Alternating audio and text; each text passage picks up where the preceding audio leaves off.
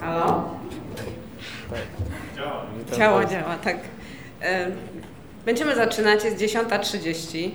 Po pierwsze bardzo serdecznie dziękujemy Wam, że przyszliście. Naprawdę nie liczyliśmy na to, że tyle osób przyjdzie na, e, na naszą prelekcję. Mm, Będziemy dzisiaj, jak e, głosi ten duży napis e, wszędzie, będziemy rozmawiać o The X-Files jako brakującym ogniwie w ewolucji seriali. Ja się nazywam Kaja, to jest Janusz. Cześć, cześć. Razem prowadzimy taki kanał YouTube'owy, jakby nie patrzeć, gdzie opowiadamy o serialach. Mm, I mm, dzisiaj nie będziemy się skupiać tyle na e, The X-Files e, w takim geekowskim e, sensie, tylko bardziej porozmawiamy sobie o tym, jaki wpływ The X-Files miało na rozwój kultury popularnej mm, i telewizji, a także serialu, pośrednio i bezpośrednio. The X-Files jest takim wielkim agregatem popkulturowych tropów. Z jednej strony strasznie dużo zapożycza z tego, co było wcześniej w kulturze popularnej amerykańskiej, czyli tej najbogatszej w popkulturę, jakby w tym, w tym wszechświecie najbardziej bogatej w popkulturę, a z drugiej strony The X-Files zainspirowało mnóstwo filmów, mnóstwo seriali, literatury sci-fi, komiksów i tak dalej, i tak. Moglibyśmy wymieniać w nieskończoność. Ten temat, za który się wzięliśmy, jest niestety strasznie obszerny, dlatego trochę go po łebkach potraktujemy. Mam nadzieję, że się nie obrazicie. Jeżeli będziecie mieli coś do dodania, to bardzo chętnie przyjmujemy głosy z sali, ponieważ nie jesteśmy nieomylni, a Wikipedia też nie jest nieomylna. Więc będziemy rozważali te inspiracje na kilku poziomach.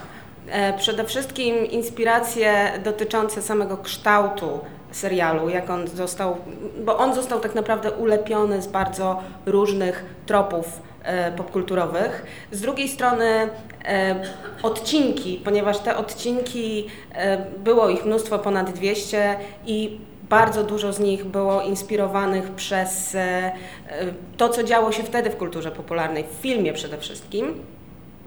Jak również pogadamy sobie na końcu, mam nadzieję, że zdążymy, o scenarzystach i właściwie o tej kadrze, którą The X-Files wypuściło w świat. Dlatego, że to tam właśnie dorastały takie talenty jak na przykład Vince Gilligan. I możemy śmiało powiedzieć, że gdyby nie The X-Files, co zresztą nie tylko my mówimy, bo sam Vince Gilligan też o tym mówi w wywiadach, to w życiu nie nakręciłby takiego serialu jak Breaking Bad, a w tej chwili Better Call Saul. I teraz takie małe zadanie dla publiczności. Kto oglądał miniserię sześciodcinkową The X-Files? Okej, okay, trochę osób oglądało. Komu się podobało? No, okay, a komu się nie podobało? Wow, Wow, trafiliśmy na bardzo specyficzną grupę adresatów tego, te, tej prelekcji. Okej, okay. skoro oglądaliście, nie wszyscy oglądali, ale my się nie będziemy bezpośrednio odnosili do tej, do tej miniserii jakoś bardzo, bo to jest zupełnie osobny twór. Natomiast rzeczywiście to, co się udało zrobić w tej miniserii, to wyciągnąć taką esencję z The X-Files to, czym ten serial był. Sześć odcinków, dwa odcinki mitologiczne, cztery odcinki Monster of the Week, trochę pomieszane z mitologią. Były i smutne Monster of the Week, czyli takie te poważniejsze i te komediowe, mówię tutaj szczególnie o tym trzecim odcinku komediowym, który był jednym wielkim easter eggiem X-File'owym. I to jest ta miniseria idealnie pokazuje to, czym ten serial był. Taką niejednorodną, bardzo specyficzną masą różnych dziwnych odcinków. Na dobrą sprawę. Tak wyglądał The X-Files. Musimy pamiętać, że czas, w którym serial powstawał, czyli 93 rok, 92, jak zaczął być pisany, to był taki, no, niezbyt fajny czas w telewizji ogólnie, dlatego że w Stanach Zjednoczonych, głównie o Stanach Zjednoczonych w tym momencie mówimy, rządziły cztery największe stacje: ABC, CBS, NBC i Fox. Nie było Netflixów, nie było Amazonów, nie było e, HBO, nie było e, stacji, to znaczy były, ale nie dyktowały, znaczy HBO było, przepraszam, ale nie dyktowało, nie dyktowały absolutnie e, trendów na rynku serialowym. I te seriale, które robiły stacje te duże, były po prostu wtórne. No, oglądało się to, co się oglądało, czyli wszyscy oglądali już to, co już raz widzieli. Najczęściej były to sitcomy albo procedurale. Procedurale absolutnie rządziły w telewizji. Takim pierwszym przełomem w telewizji, jeśli chodzi o tak, jakiś taki oryginalny content, było miasteczko Twin Peaks.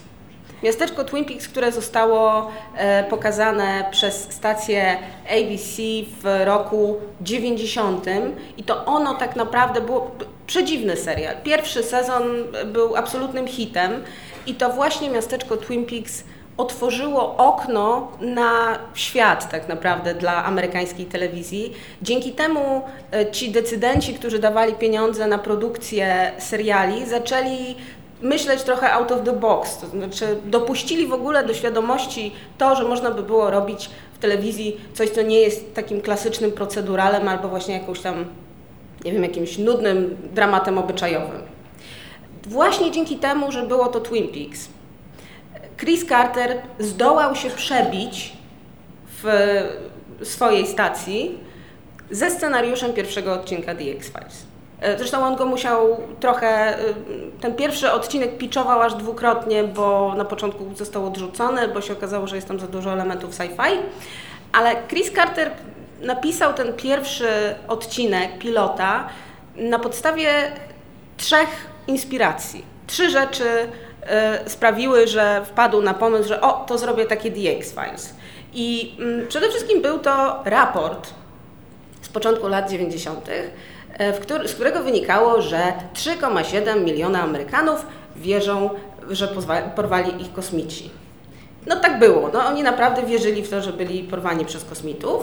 Druga rzecz to była afera Watergate i to, że y, afera Watergate sprawiła, że w Stanach zaczęły powstawać na potęgę różne teorie spiskowe. Znaczy ten klimat taki spiskowy się e, wytworzył. E, I ta afera Watergate rzeczywiście pobrzmiewa w The X-Files wielokrotnie, powraca w różnych motywach i w różnych wątkach. A trzecia rzecz to jest serial z lat 70. pod tytułem Kolchak the Night Stalker taki bardzo specyficzny, niezbyt popularny. Były tam najpierw dwa filmy telewizyjne, później było, e, było kilkadziesiąt odcinków e, serialu. Mm, I to był taki serial o reporterze Karlu Kolczaku, który prowadził śledztwa w niewyjaśnionych sprawach, e, których się nie chciała podjąć policja. I oprócz ewidentnej inspiracji y, tematyką, czyli, czyli że mamy tego, tą osobę, która się zajmuje rozwiązywaniem niewyjaśnionych, tam były zresztą potwory, różne elementy sci-fi się pojawiały w tym serialu, to mamy jeszcze jedną rzecz, która bardzo podziałała na, na Chrisa Cartera przy pisaniu pilota, y, znaczy i przy, przy obmyślaniu w ogóle całej tej struktury serialu, to były odcinki, które były po prostu tak zwanymi standalone'ami, czyli nie były, można je było oglądać osobno. W latach 90. od standalone'ów się w telewizji odchodziło. To znaczy, raczej produkowało się już takie seriale, które miały tą kontynuację narracji na przestrzeni e, całego sezonu. Tymczasem e, Carter postanowił sięgnąć raczej do tego, co było kiedyś i zrobić taki serial, który będzie można oglądać co tydzień, niekoniecznie wiedząc, co się działo wcześniej. Jak, jak wiemy, tam później oczywiście były jeszcze kwestie mitologii, ona była kontynuowana i e, jak się nie oglądało odcinków mitologicznych, to można się było trochę pogubić, ale prawdą jest, że The X-Files można oglądać na wyrywki trochę, szczególnie Monstery, to, to można oglądać zupełnie na wyrywki, i też się jakoś specjalnie człowiek nie pogubi. Więc jeżeli mielibyśmy sobie rozpisać taki, taką podstawę tego, co zapoczątkowało The X-Files, to mamy wiarę w UFO, mamy aferę Watergate i mamy serial pod tytułem Kolczak The Night Stalker. Ale to jest oczywiście taka bardzo, bardzo, bardzo podstawowa podstawa, bo mm, to, co nadało ostateczny kształt temu serialowi, to jest bardzo długa lista inspiracji, bardzo długa, tak długa, że my przygotowując sobie tą prelekcję po prostu musieliśmy e, zrezygnować z wymieniania wszystkich tych tytułów i skupić się na tych najważniejszych. E, jak już mówiłam wcześniej, Chris Carter, pilota, The X-Files pitchował w stacji Fox aż dwukrotnie. Pierwszy raz odrzucili ten pomysł, bo doszli do wniosku, że to jest jakieś dziwne i pogięte za bardzo. W związku z czym wrócił do domu i przerobił ten, ten scenariusz na taki, który bardziej przypominał procedurę żeby było, no żeby było po prostu łatwiej przepchnąć ten, e, ten odcinek. I rzeczywiście wtedy e, odcinek został kupiony i zdecydowano się o tym, że serial będzie produkowany. Natomiast X-Files samo w sobie nosi dosyć dużo, duże piętno, że tak powiem, na sobie procedurala w ogóle, gatunku jakim jest procedural.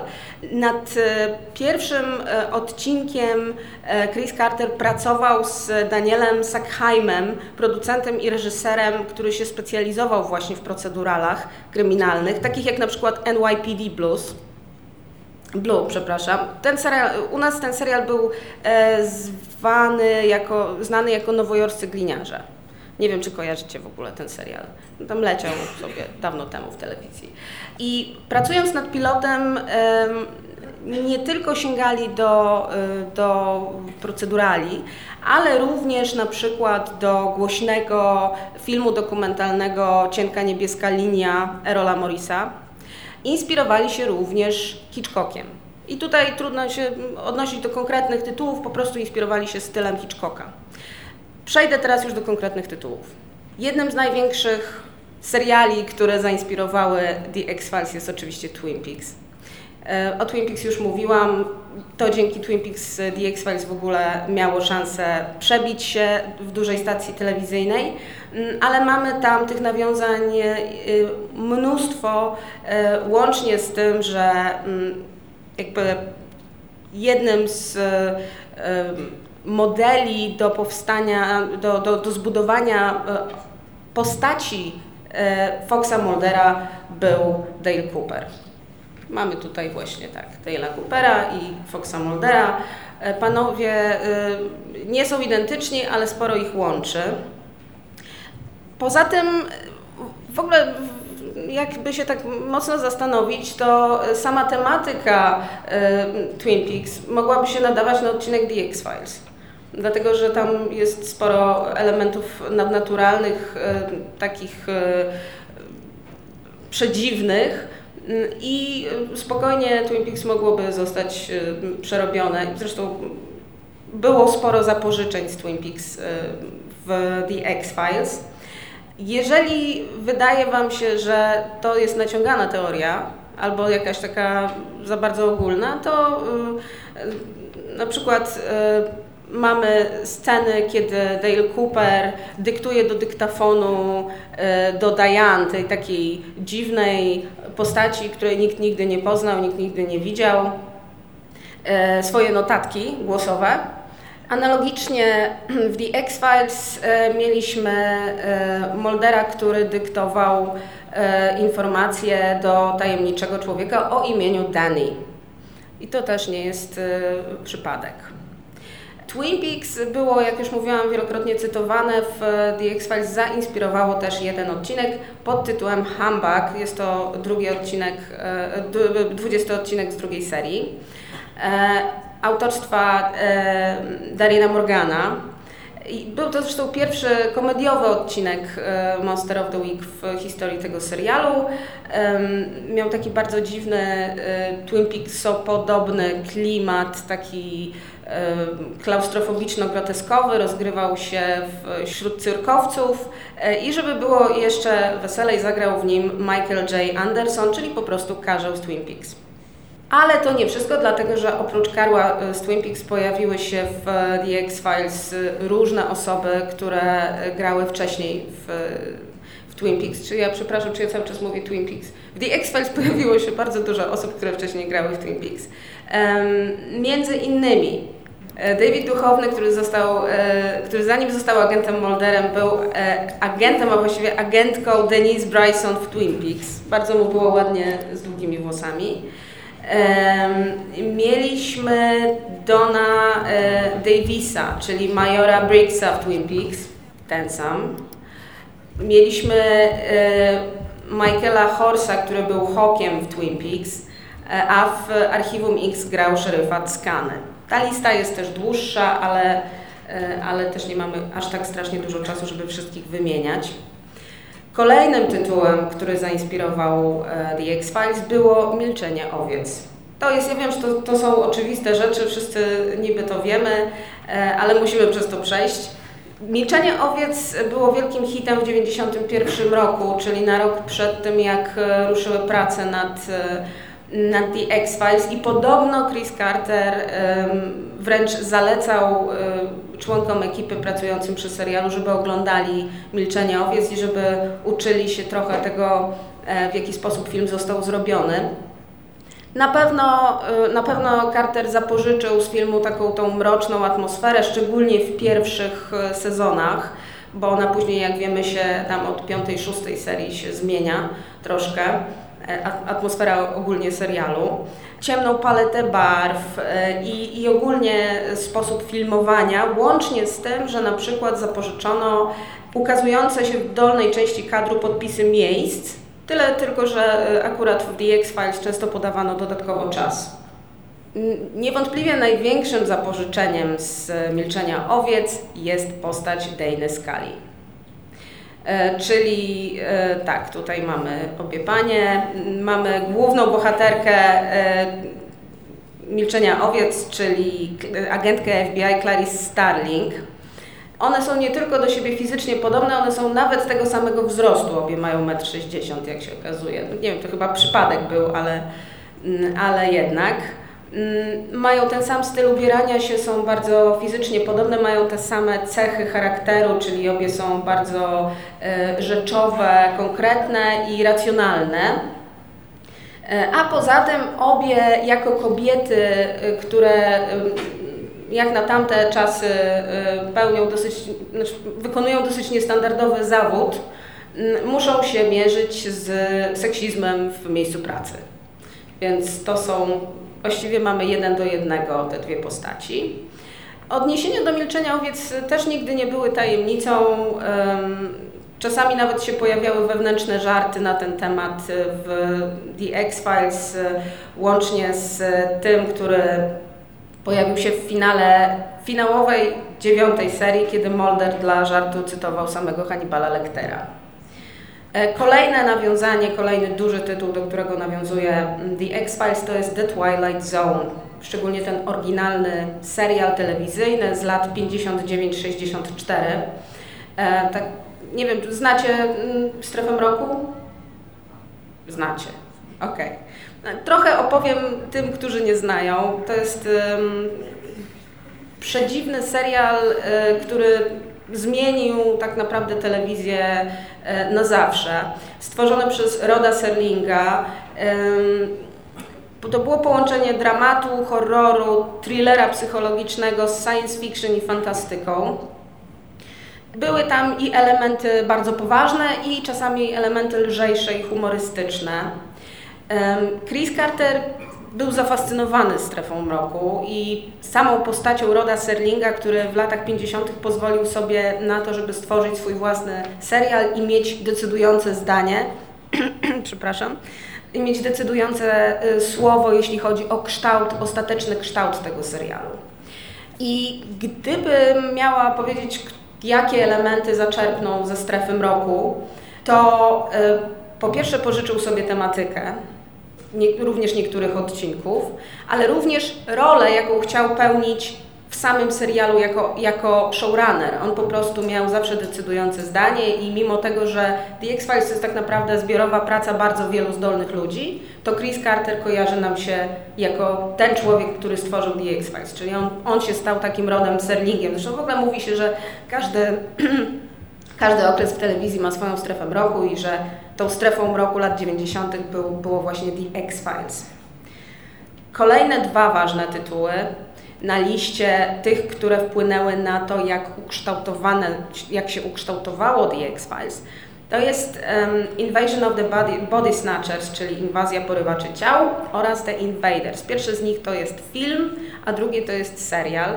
I zanim do nich przejdę, będę musiała niestety zrobić małą wycieczkę taką, um, powiedzmy, retrospekcję, troszkę opisać, jak wyglądała sytuacja w ogóle z kształtowaniem się tego gatunku sci-fi związanego z inwazjami UFO i, i, i podbijaniem świata przez małe zielone ludziki. Bo Chris Carter y, oczywiście y, wymienia zawsze ten raport, że te 3,7 miliona Amerykanów wierzyło y, w, w, to, że byli porwani przez kosmitów, ale musimy sobie zadać pytanie, jak to się stało, że oni w ogóle naprawdę w to wierzyli. Nie było to absolutnie przypadkowe, dlatego że tematyka UFO w amerykańskiej kulturze popularnej jest obecna od końca XIX wieku, czyli a właściwie od e, narodzin tak zwanej invasion literature. Czyli nie wiem, po polsku, no, znaczy nie znam, nie znam tłumaczenia na polski, to jest, można to przetłumaczyć jako in, literatura inwazji. W Polsce tego gatunku nie było, natomiast e, e, to były po prostu książki, które powstawały między 1880 a 1914 rokiem, poświęcone inwazjom różnych wojsk na różne kraje. I jednym z takich małych odłamów były książki opisujące inwazję różnych potworów i między innymi właśnie kosmitów.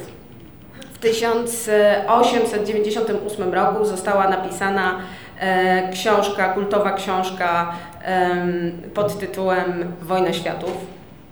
Ona bardzo dużo zmieniła.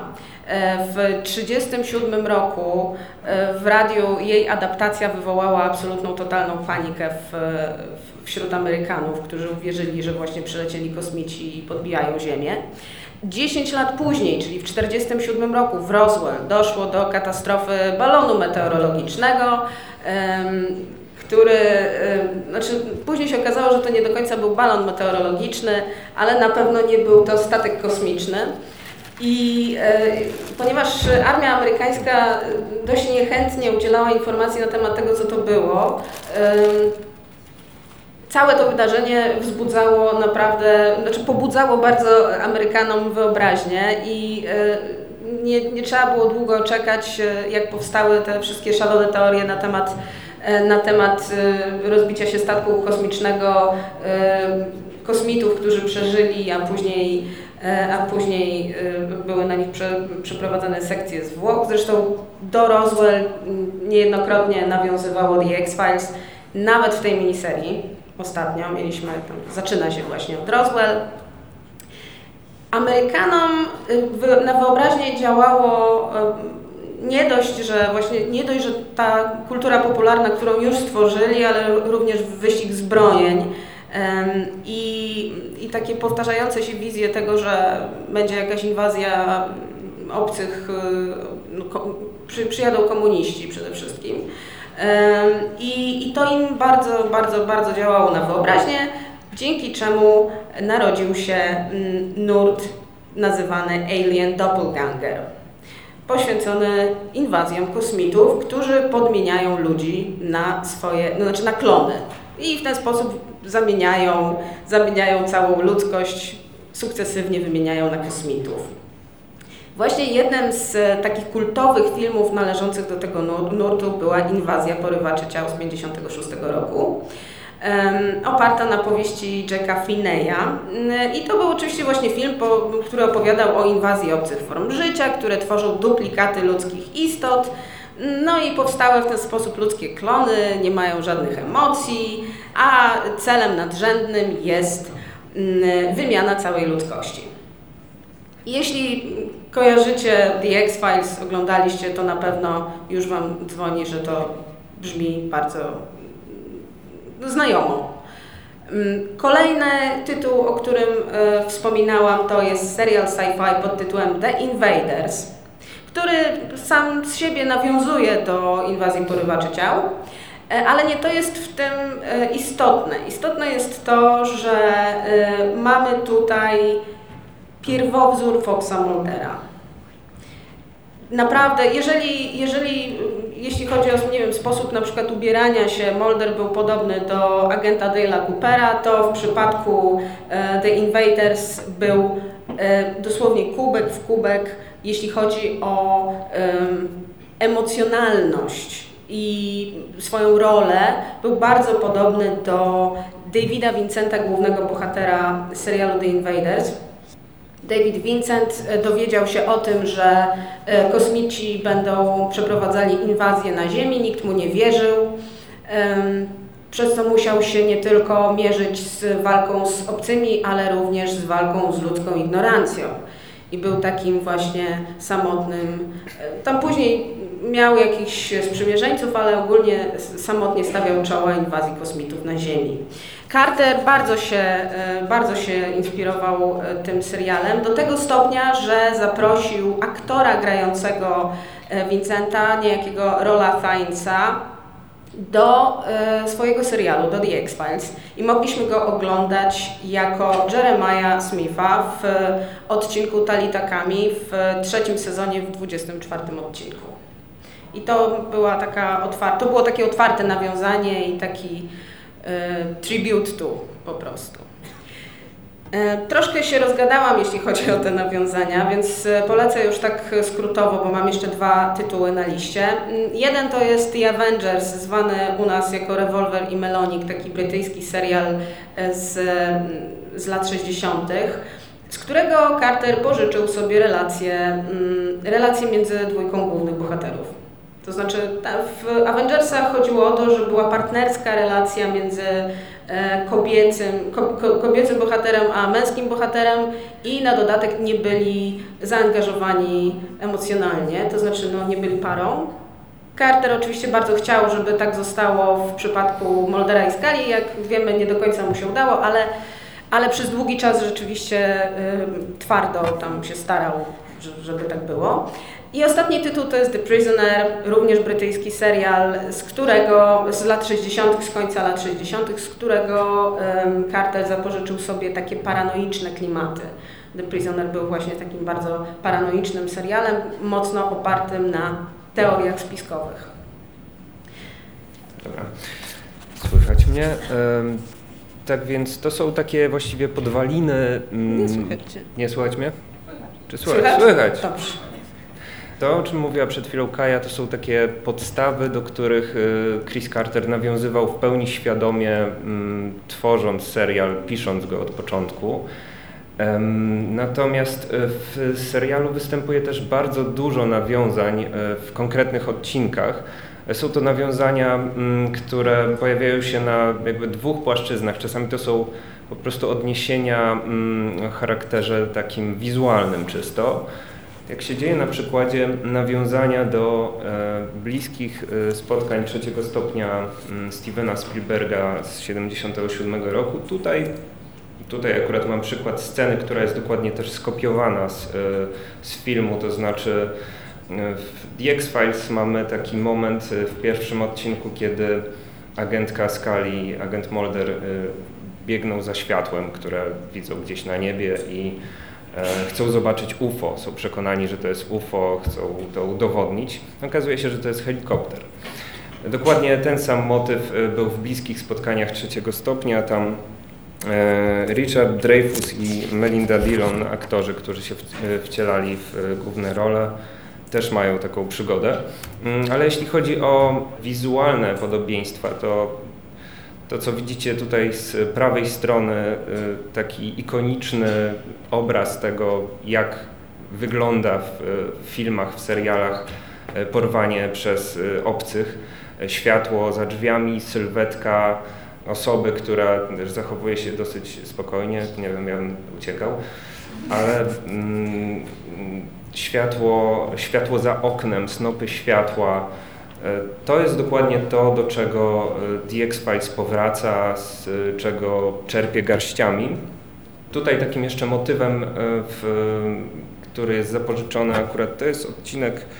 To jest właściwie scena jeden do jednego. Scena jeden do jednego, tak. Jest 20 odcinek trzeciej serii. Mamy taką scenę, gdzie główny bohater robi kopiec z pire ziemniaczanego. Jak dobrze pamiętam. Dokładnie, przepraszam, Ci wejdę tak. słowo. Dokładnie to samo robią w, w bliskich spotkaniach trzeciego stopnia. I te zdjęcia, które pokazują, że tak jest. No tak, tam jest taki motyw. Natomiast y, sposób, w jaki pokazuje się obcych, jest e, właściwie zarżnięty jeden do jednego. W bliskich spotkaniach trzeciego stopnia mm, obcy pojawiali się na tle światła, to były takie sylwetki, właściwie nie było widać szczegółów. Dokładnie tak samo w The X-Files, kiedy syndykat po raz pierwszy, to jest retrospekcja, syndykat ma pierwszy kontakt z obcymi, to jest dokładnie kopia tego, co znamy mm, z bliskich spotkań. Dalej, Predator. 87 rok y, z Arnoldem Schwarzeneggerem, wielki hicior. Mm, sposób, w jaki pokazany jest obcy, który uciekł z y, rozbitego statku po, po katastrofie, którego, na którego polują e, amerykańscy wojskowi, mm, jest właściwie w postprodukcji jest wykreowany w bardzo podobny sposób jak był kreowany Predator, czyli to jest takie dziwne zakrzywienie przestrzeni, wiadomo, że tam coś jest, e, ale dokładnie tego kogoś, czegoś nie widać. No i oczywiście zielona krew. E, ostatni odcinek pierwszej serii pojawia się zielona krew e, właściwie hybrydy obcych i ludzi. Także krew Predatora jest zielona, bezpośrednie zapożyczenie trochę z innej strony JFK i postać Deep Throat. No, Deep Throat jest prawdziwą postacią, wracamy, os osobą. Wracamy do afery Watergate znowu, bo tam, tam był właśnie Deep Throat. Tak, tak więc atmosfera paranoi, rządowego spisku.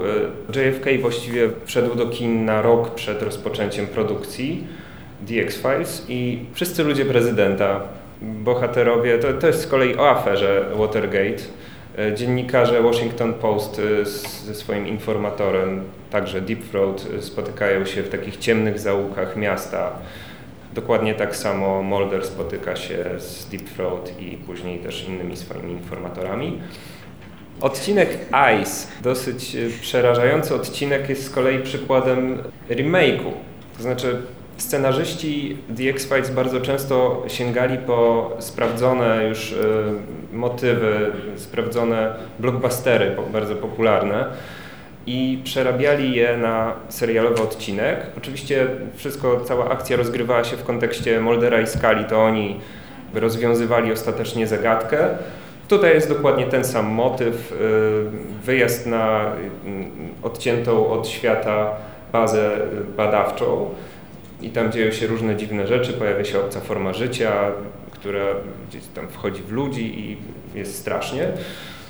Egzorcysta, kolejny przykład. Tutaj akurat w, w odcinku The X-Files egzorcystów y, było kilku. No, bezpośrednie nawiązanie, tym razem oczywiście agenci biorą w tym udział, na własne oczy widzą, co się dzieje i, mm, i działają. E, znowu wracamy do milczenia owiec. To jest ten odcinek, w którym e, Skali nawiązuje e, taką bardzo dziwną, intymną relację z więźniem skazanym, takim seryjnym, seryjnym zabójcą. Dokładnie ten sam rodzaj relacji, relacji jaką ma główna bohaterka Milczenia Owiec z Lekterem. Mm, Wzgórza mają oczy. Odcinek Home, drugi odcinek czwartej serii. Nie wiem jak to nazwać. Grupa zdeformowanych kanibali, czy która wystąpiła, pojawiła się w e, filmie Wesa Cravena z, z roku 77 i zaatakowała e, rodzinę podróżującą przez Stany, tam zepsuł im się samochód, e, akurat wylądowali na terenie tej dziwnej rodziny. Taką samą rodzinę mamy w Home. Oczywiście znowu agenci muszą z nimi walczyć. Jakoś ich Ciężko tam ogarnąć. Ciężko pamiętam. Tak, to był dobry odcinek. I już takie pomniejsze motywy e, z pierwszego sezonu, e, też fajny odcinek Eve, to nawiązuje w jakiś sposób do tego, co przedstawił Stanley Kubrick w Lśnieniu. No oczywiście tego pana z prawej strony na pewno dobrze kojarzycie. E, z lewej natomiast jest to tak zwany Bounty Hunter, który pojawia się w wielu odcinkach The X-Files który też posiada właśnie dziwną taką umiejętność morfowania się, zamieniania się w innych ludzi. Bezpośrednie odniesienie do Terminatora. Poltergeist, te dwa kadry, no wiele to mówi. Mm, tak więc jak widzicie, jest tych odniesień bardzo, bardzo dużo. Z kolei odcinek um, szósty, piątej serii. serii tak. tak Ma odniesienie i do Frankensteina, i do Człowieka Słonia Davida Lyncha. No i Speed. Naprawdę. Jako, tak. No, to Speed, Janusz Speed. Speed, już Speed. Bo nie Mówię, skończymy, Speed odcinku dużo. Drive. Tyle, że oczywiście Vince Gilligan bardzo, bardzo fajnie poradził sobie z tym motywem, trochę go urozmaicił i zresztą w odcinku Drive Ja bym jeszcze bardzo chciała o nim opowiedzieć, może nie zdążę. Kaja będzie mówiła. Titanic, Titanic. tak, już, już, już się spieszę. I na koniec mam e, fajne zestawienie Kacza Zupa z braćmi Marx em, z 33 roku i odcinek Dreamland, e, część druga. E, Zresztą sami zobaczcie. Tak, już mogę teraz? Dobrze, to teraz się będę bardzo spieszyła i będę mówiła bardzo szybko. E, Bo przerobiliśmy już e, tak bardzo po łebkach to, na czym się The X-Files wzorowało. Czas pogadać o tym, co X-Files dało e, kulturze popularnej i telewizji oraz serialom. Przede wszystkim bardzo szybko dało, wydało na świat dwa spin-offy. Dwa spin-offy, z czego jeden się udał, drugi się nie udał. Pierwszy spin-off Millennium w 1996 roku powstał, do 1999 roku był emitowany. Em, I na rzecz Millennium, e, znaczy w ogóle Carter miał taką wizję, że będzie produkował e, dużo spin-offów The X-Files, które się będą rozgrywały w tym samym uniwersum. Ostatecznie mu to nie wyszło, bo te spin-offy kolejne niestety nie były wielkimi hitami. E, Akurat w przypadku e, Millennium mieliśmy mm, takie troszkę siedem Davida Finchera rozgrywające się w Seattle. Głównym bohaterem był były agent FBI Frank Black, który pracował dla tajemniczej organizacji o nazwie Millennium i profilował morderców e, dzięki swojej umiejętności widz- widzenia świata ich oczami. Łącznie powstały trzy sezony e, i do serialu przeszedł Darin Morgan, scenarzysta, jeden ze świetnych scenarzystów The X-Files. Niestety, akurat moim zdaniem to była strata dla The X-Files, że Darin Morgan przeszedł do Millennium. Drugi spin-off, ten, o którym e, wiele osób pewnie chciałoby niestety zapomnieć e, ze względu na bardzo, bardzo niskie wyniki oglądalności ostatecznie, to jest Lone Gunman, czyli Samotni Strzelcy. 2001 rok, czyli oni debiutowali wtedy, kiedy leciała e, ósma seria The X-Files, czyli The X-Files już dogorywało powoli, natomiast Lone Gunmani mieli, mieli właśnie zabłysnąć. Niestety nie zabłysnęli.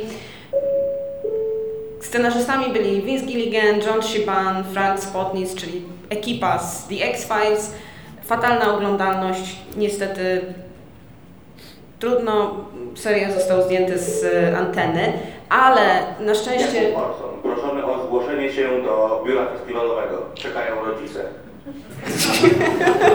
Okej. Pole, polecamy.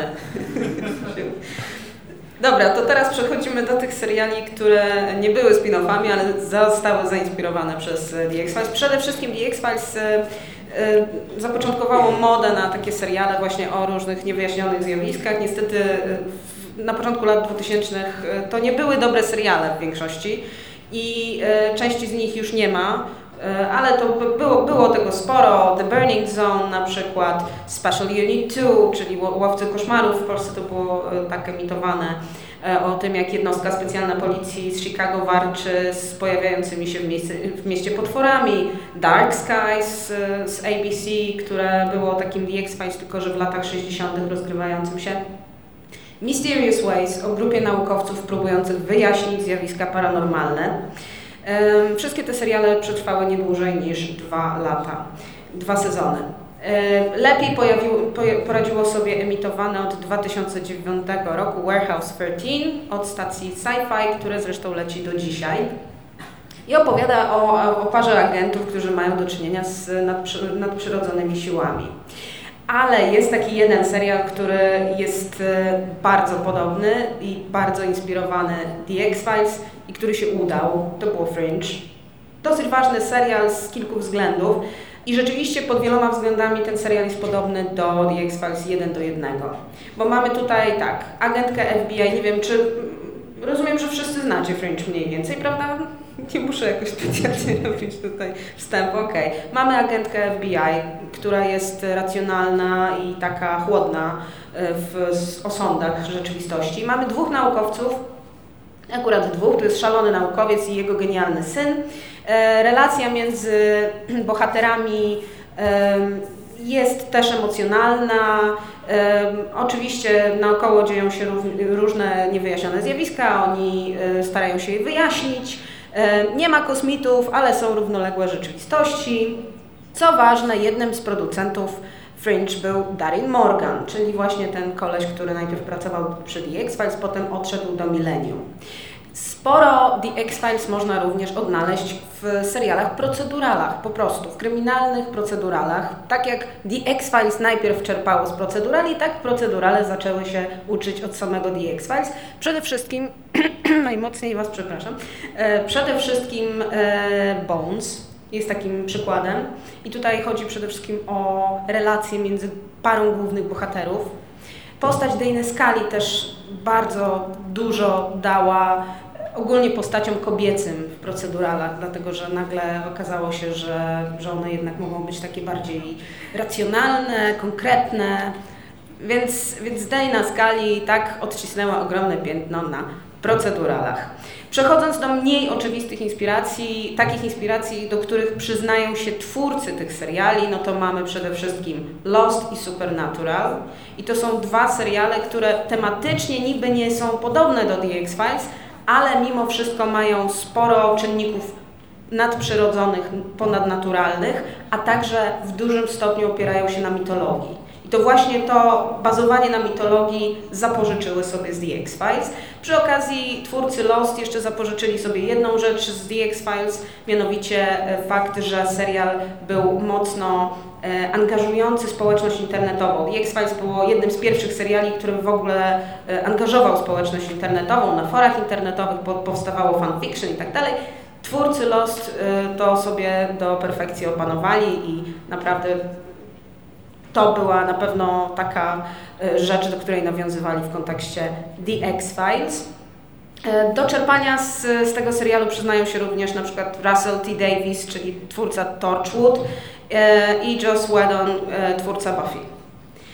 I, przepraszam, serial doczekał się też licznych cytowań i parodii w przeróżnych serialach i programach i teraz sobie już tutaj przeczytam z listy. Simpsonowie, Star Trek, Trzecia Planeta od Słońca, Archer, American Horror Story, Teoria Wielkiego Podrywu, Californication, Castle, Family Guy, South Park, Dwóch i pół czy Breaking Bad. I tutaj doszłam wreszcie do tej części, która mnie najbardziej jakoś tak wiem, cieszy, e, bo skoro już jesteśmy przy Breaking Bad, to możemy się wreszcie zająć scenarzystami. E, tak jak mówiłam na początku, The X-Files było serialem niejednorodnym, ale też było bardzo fajnym środowiskiem e, pracy dla młodych, zdolnych. Carter nie, nie ograniczał ich, dawał im wolną rękę i dzięki temu powstało ponad 200 odcinków i każdy mógł sobie coś tam napisać. E, każdy mógł też szlifować swój, swój własny styl, dzięki czemu rzeczywiście udało się, udało się wychować The X-Files kilku fantastycznych scenarzystów którzy w tej chwili pracują nad bardzo e, znanymi tytułami serialowymi i gdzieś można powiedzieć, że ten pierwiastek The X-Files tam zawsze się pojawia. Tak na szybko. James Wong i Glenn Morgan, każdy z nich napisał po, 3, po 15 odcinków The X-Files, e, czasami pracowali również razem. E, obecnie pracują przy takich serialach jak American Horror Story i Scream Queens. E, Howard Gordon, Alex Ganza. Gordon napisał 20 odcinków, Ganza 5 odcinków, również pracowali czasami w, w parze. Potem pracowali przy takich serialach jak 24 godziny, a w tej chwili Homeland. Dalej, Frank Spotnitz. Jego nazwisko akurat pojawia się w przypadku 44 odcinków. E, był jedną z bardziej prominentnych osób e, w ekipie The X-Files. E, pracował również przy spin-offach Millennium i Long Gunman, a ostatnio wyprodukował dla Amazona taki dosyć głośny serial, który się nazywa The Man in the High Castle, oparty na prozie Filipa K. Dicka. Dalej, Daryl Morgan, o którym już wspominałam kilkakrotnie, on napisał tylko pięć odcinków The X-Files, ale za to e, bardzo dobrych, bardzo charakterystycznych, bardzo oryginalnych i dostał za e, jeden z tych odcinków nagrodę Emmy, jedyne Emmy, jakie The X-Files w ogóle dostało w swojej historii. Tworzył m.in. później Fringe u boku J.J. Abramsa, który z kolei swoich fascynacji The X-Files nie ukrywał nigdy też. Mm, John Shiban napisał 24 odcinki, a pracował przy takich serialach jak na przykład Hell on Wheels, Demony Da Vinci, The Vampire Diaries i Supernatural. No i ostatecznie dochodzimy do Vince'a Gilligana, czyli najzdolniejszego chłopaka z całej paczki który y, zrobił jeden fantastyczny serial, który prawdopodobnie właśnie nie powstałby, gdyby nie jego praca na planie The X-Files. Zresztą sam o tym mówi w wywiadach, że to właśnie tam nauczył się przede wszystkim pracy jako showrunner, obserwując Chrisa Cartera, który najwyraźniej był y, dobrym showrunnerem. Y, poza tym on tam trafił w ogóle świeżo po studiach, miał 27 lat, trafił na trzeci sezon. E, I na początku był po prostu asystentem, a skończył jako producent. Napisał samodzielnie 30 odcinków. Naprawdę świetnych odcinków i kilka z nich jest obwołanych e, oficjalnie jednymi z najlepszych, jakie w ogóle powstały. E, on miał taki bardzo charakterystyczny styl i patrząc na to, jakbyśmy prześledzili te poszczególne odcinki, to jesteśmy w stanie po prostu dostrzec, jak rodziły się jego pomysły, które później przekuł w Breaking Bad. Dosłownie. Jak ewoluował na przykład bohater, bo on bardzo często skupiał się na takich everymenach, e, miał sporo bardzo oryginalnych, takich e, zupełnie nietypowych pomysłów e, fabularnych, bawił się trochę strukturą, bawił się formułą tego, co pisał, a także też było tam sporo humoru takiego sytuacyjnego albo na przykład słownego. E, najciekawsze odcinki, jakie e, stworzył, to na przykład Small Potatoes, to jest 20 odcinek sezonu czwartego, w którym Mulder i Scully prowadzą śledztwo w sprawie urodzeń dzieci zagonami. Głównym antagonistą jest taki zwykły facet o niezwykłych zdolnościach, zdolnościach stawania się kim chce. Jest tam sporo humoru, naprawdę świetny odcinek, bardzo polecam. Bad Blood, odcinek 12 serii 5, w którym widzimy wydarzenia z różnych perspektyw Moldera i Scully. Tak, jest to, jest to odcinek napisany w taki sposób, że widzimy tą samą sytuację oczami Moldera i tą samą sytuację oczami Skali i to naprawdę robi różnicę. Folie AD, 19 odcinek piątej serii o zwykłym pracowniku korporacji, który w swoim przełożonym widzi gigantycznego karalucha, który wysysa życie ze swoich podwładnych. To jest no takie życiowe bardzo. Ex-Cops, Ex-Cops, 12 odcinek siódmej serii, e, który jest parodią popularnej e, serii reality pod tytułem Cops. E, w paradokumentalnym stylu nakręcony, w ogóle świetny, kamera się trzęsie, Skali i Mulder są zażenowani obecnością ekipy wideo, która im towarzyszy. Zupełnie taki właśnie out of the box, nietypowy odcinek z X-Files. No i w końcu dochodzimy do Drive. Do tego odcinka, który chyba można powiedzieć to jasno, że gdyby nie ten odcinek, to nie byłoby Breaking Bad a na pewno jeśli byłoby Breaking Bad, to nie byłoby w takiej formie, nie wyglądałoby tak, jak, e, jak ostatecznie wyglądało. Bo to jest nie tylko przełom dla samego Gilligana, ale również dla Briana Cranstona, który był wówczas mało znanym aktorem. Brian Cranston jeszcze wtedy nie wystąpił w Malcolm in the Middle, w sitcomie, który przyniósł mu taką pierwszą falę sławy i jednoznacznie skojarzył jego nazwisko z, po prostu z, rolo, z rolami komediowymi. Gdyby nie to, że zagrał e, w Drive, a zagrał tam e, takiego rozchwianego emocjonalnie, ba, to bardzo trudna rola, e, świetny odcinek, e, tak naprawdę oparty tylko na dwójce aktorów, na, e, na e, duchownym i właśnie na Cranstonie. Oni jadą samochodem, bohater, e, jeden bohater porywa drugiego i zmusza go do takiej jazdy samochodem z bardzo dużą prędkością, ponieważ od tej prędkości zależy to, czy on przeżyje, czy nie. Jest to, jest to bardzo niesympatyczna postać ogólnie. Facet jest straszny, jest rasistą, jest, jest ignorantem, jest takim, jest takim pełnym pretensji, facetem wierzącym w spiski, a jednocześnie jest to gość, którego zaczynamy lubić, któremu zaczynamy współczuć. Taka mega skomplikowana postać w jednym małym odcinku 50-minutowym. Mamy takie, wiecie, 360 stopni człowieczeństwa dosłownie. Gdyby nie ten odcinek, Cranston nie dostałby nigdy roli w Breaking Bad, ponieważ Gilligan go sobie już zaszufladkował w głowie po tym odcinku, że kiedyś będzie chciał z nim współpracować w przyszłości. I po latach, pracując nad scenariuszem, pracując nad e, pierwszym odcinkiem i nad, w ogóle nad e, castingiem do Breaking Bad, dosłownie musiał pokazać ludziom z e, stacji AMC odcinek Drive, żeby ich przekonać, że ten facet, ten z Malcolm in the Middle naprawdę nadaje się do tej roli. Dzięki temu, dzięki temu, że zagrał w Drive, e, Cranston miał okazję zagrać największą rolę jak do tej pory w swojej e, karierze aktorskiej. Ale to nie tak, że tylko Cranston pojawił się w The X-Files. W The X-Files pojawiło się mnóstwo, mnóstwo aktorów, których później mogliśmy obejrzeć w Breaking Bad. Na przykład Aaron Paul, który pojawił się co prawda dopiero w dziewiątej serii, w takim odcinku zatytułowanym Lord of the Flies. Grał tam takiego nastolatka z problemami, którego y, lubiły muchy, delikatnie mówiąc. Był też Dean Norris, który zagrał w drugiej serii, w 22 odcinku e, i zagrał tam agenta federalnego. Tak jakoś widać się Gilliganowi skojarzyło, że ten facet bardzo dobrze wygląda, jak ma tutaj tą taką, wiecie, odznakę na, na piersi. E, zagrał również Raymond Cruz, którego znacie na pewno e, jako Tuco Salamankę z Breaking Bad i ostatnio z Better Call Saul. Tam był trochę młodszy i miał taką w sumie smutną rolę, takiego gościa, no, który był trochę ofiarą okoliczności, mm, ale jakoś się widać Gilliganowi spodobał i wrócił do niego i jak widać cały czas do niego wraca.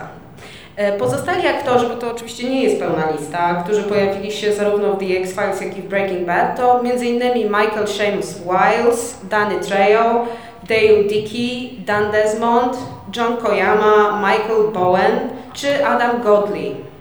E, z The X-Files Gilligan e, pożyczył sobie również Michaela McKeena, który w, który w serialu Cartera grał takiego gościa Morisa Fletchera, taki śmieszny, śmieszny gościu był. A w tej chwili gra brata Sola Goodmana w Better Call starszego, takiego tego, co, co chodzi w tych srebrnych takich płaszczykach.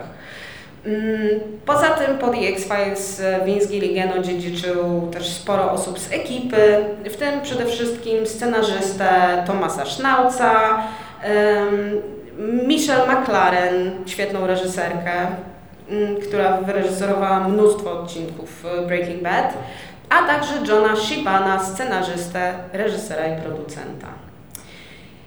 I to by było chyba już wszystko.